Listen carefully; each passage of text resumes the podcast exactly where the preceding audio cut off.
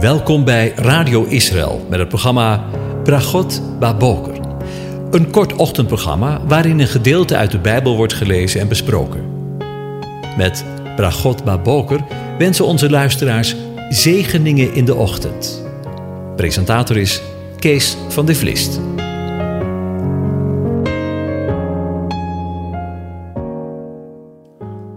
Goedemorgen, beste luisteraars. Vanmorgen denken we weer verder na over Psalm 68 en daarvan de versen 14 tot en met 17. Ik lees ze aan je voor. Al lag u tussen twee rijen overstenen, toch zult u schitteren als vleugels van een duif, overtrokken met zilver en zijn veren met bewerkt groen glanzend goud. Toen de almachtige koningen in het land overal verspreidden, sneeuwde het op de berg Salmon. De berg Bazan is een machtige berg. En letterlijk staat daar, is de berg van God. De berg Bazan is een berg met veel toppen. Waarom, gebergte, met al uw toppen, kijk u met afgunst naar de berg die God als zijn woning begeerd heeft? Ja, de Heere zal er voor altijd wonen. Tot zover. Over de berg Sion gesproken. U mag best wel weten dat ik dit een lastig gedeelte vind om vanmorgen te bespreken. Ik heb er van alles op nagekeken wat de dichter van de psalm met de woorden wil zeggen, maar voor mij blijft het lastig. Er zijn ook maar weinig verklaringen die iets over de tekst zeggen. Het blijft een beetje duister. In ieder geval voor mij.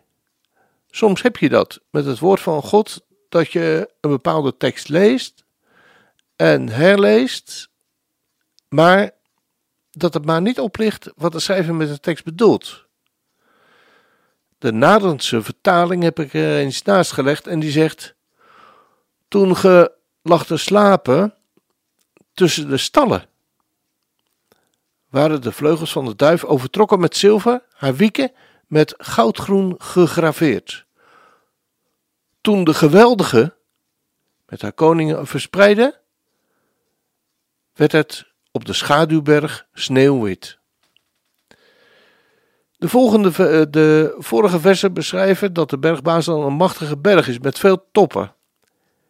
In het Hebreeuws wordt hier gezegd dat de berg Bazan Har Elohim is, dus de berg van God. En wellicht wordt hier de berg Hermon, de grootste berg mee bedoeld. Bazan, het noordelijke deel van de regio, voorbij Jordanië, in het noordoosten begrensd door de berg van Hermon. Een landstreek ten oosten van de Jordaan, dat bekend staat om zijn vruchtbaarheid en werd geschonken aan de halve stam van Manasse. David gebruikt in de tekst de beeldspraak van een persoon en zegt en stelt de vraag eigenlijk waarom deze machtige berg met zijn vele toppen met afgunst en bewijzen van spreken jaloers kijkt naar de berg die God als zijn woning heeft begeerd. Waar de Heere, JHWH, de Ik Ben, voor eeuwig zal wonen. Dit is niet meer zo moeilijk te begrijpen, omdat hiermee wordt verwezen naar de berg Sion, de plaats het heiligdom zich bevindt en waar God van Israël voor altijd zal wonen. In Psalm 48, die we al eerder overdacht hebben, bezingen de Koragieten deze stad op onafvolgbare wijze. Luister maar. Een lied, een psalm voor de zonen van Korach. De Heere is groot en zeer te prijzen in de stad van onze God zijn heilige berg. Mooi van ligging, een vreugde voor heel de aarde, is de berg Sion aan de noordzijde, de stad van de grote koning. God is in haar paleizen, hij is er bekend als een veilige vesting. Want zie, de koningen hadden zich verzameld, zij waren samen opgetrokken, zodat zij de stad zagen, waren zij verbijsterd.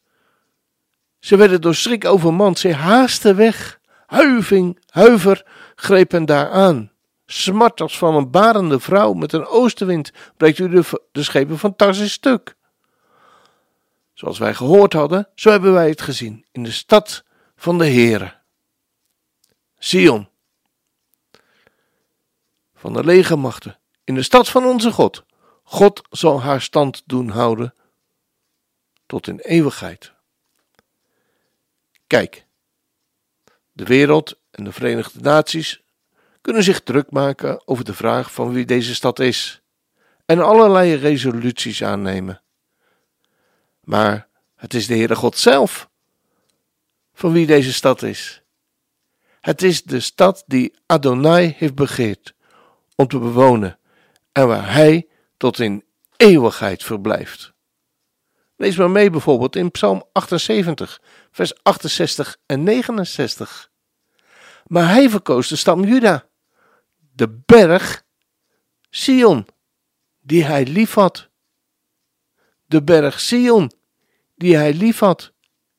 Hij bouwde zijn heiligdom als hoogte en vast als de aarde, die hij voor eeuwig grondvestte. En in Psalm 132, vers 13 laat de Heer er zelf, bij wijze van spreken, geen enkele twijfel over bestaan. Want daar lezen we, want de Heere, JHWH, heeft Sion verkozen. Hij heeft het begeerd tot zijn woongebied.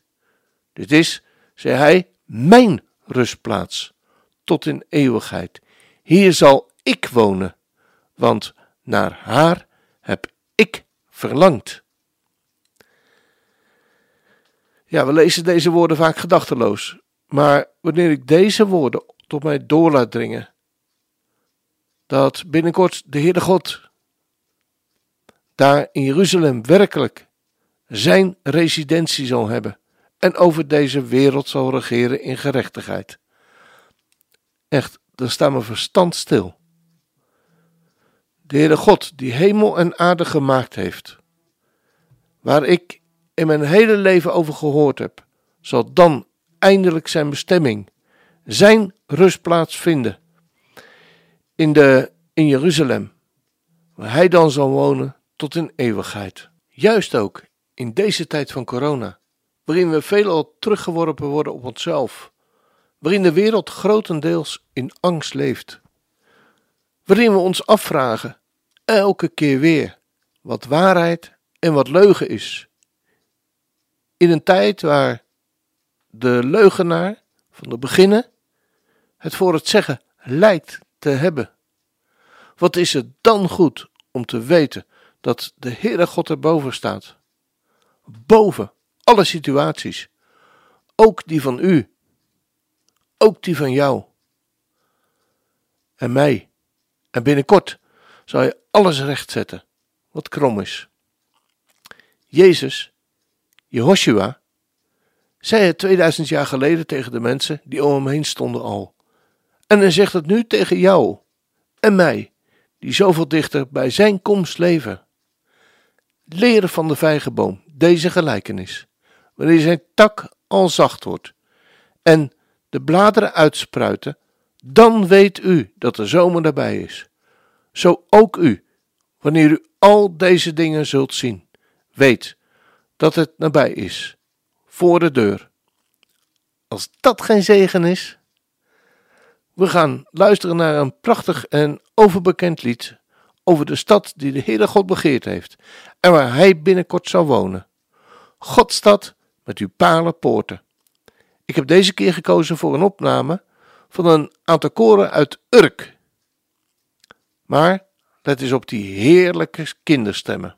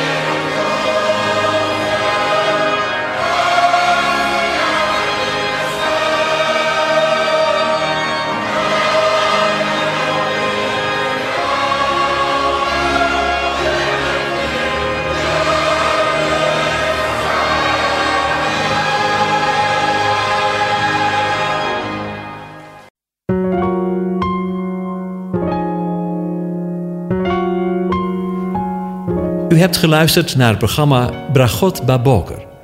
Een kort ochtendprogramma waarin een gedeelte uit de Bijbel wordt gelezen en besproken. Wilt u het programma nog eens naluisteren, dan kan dat. Ga naar radioisrael.nl en klik onder het kopje radio op Uitzending gemist.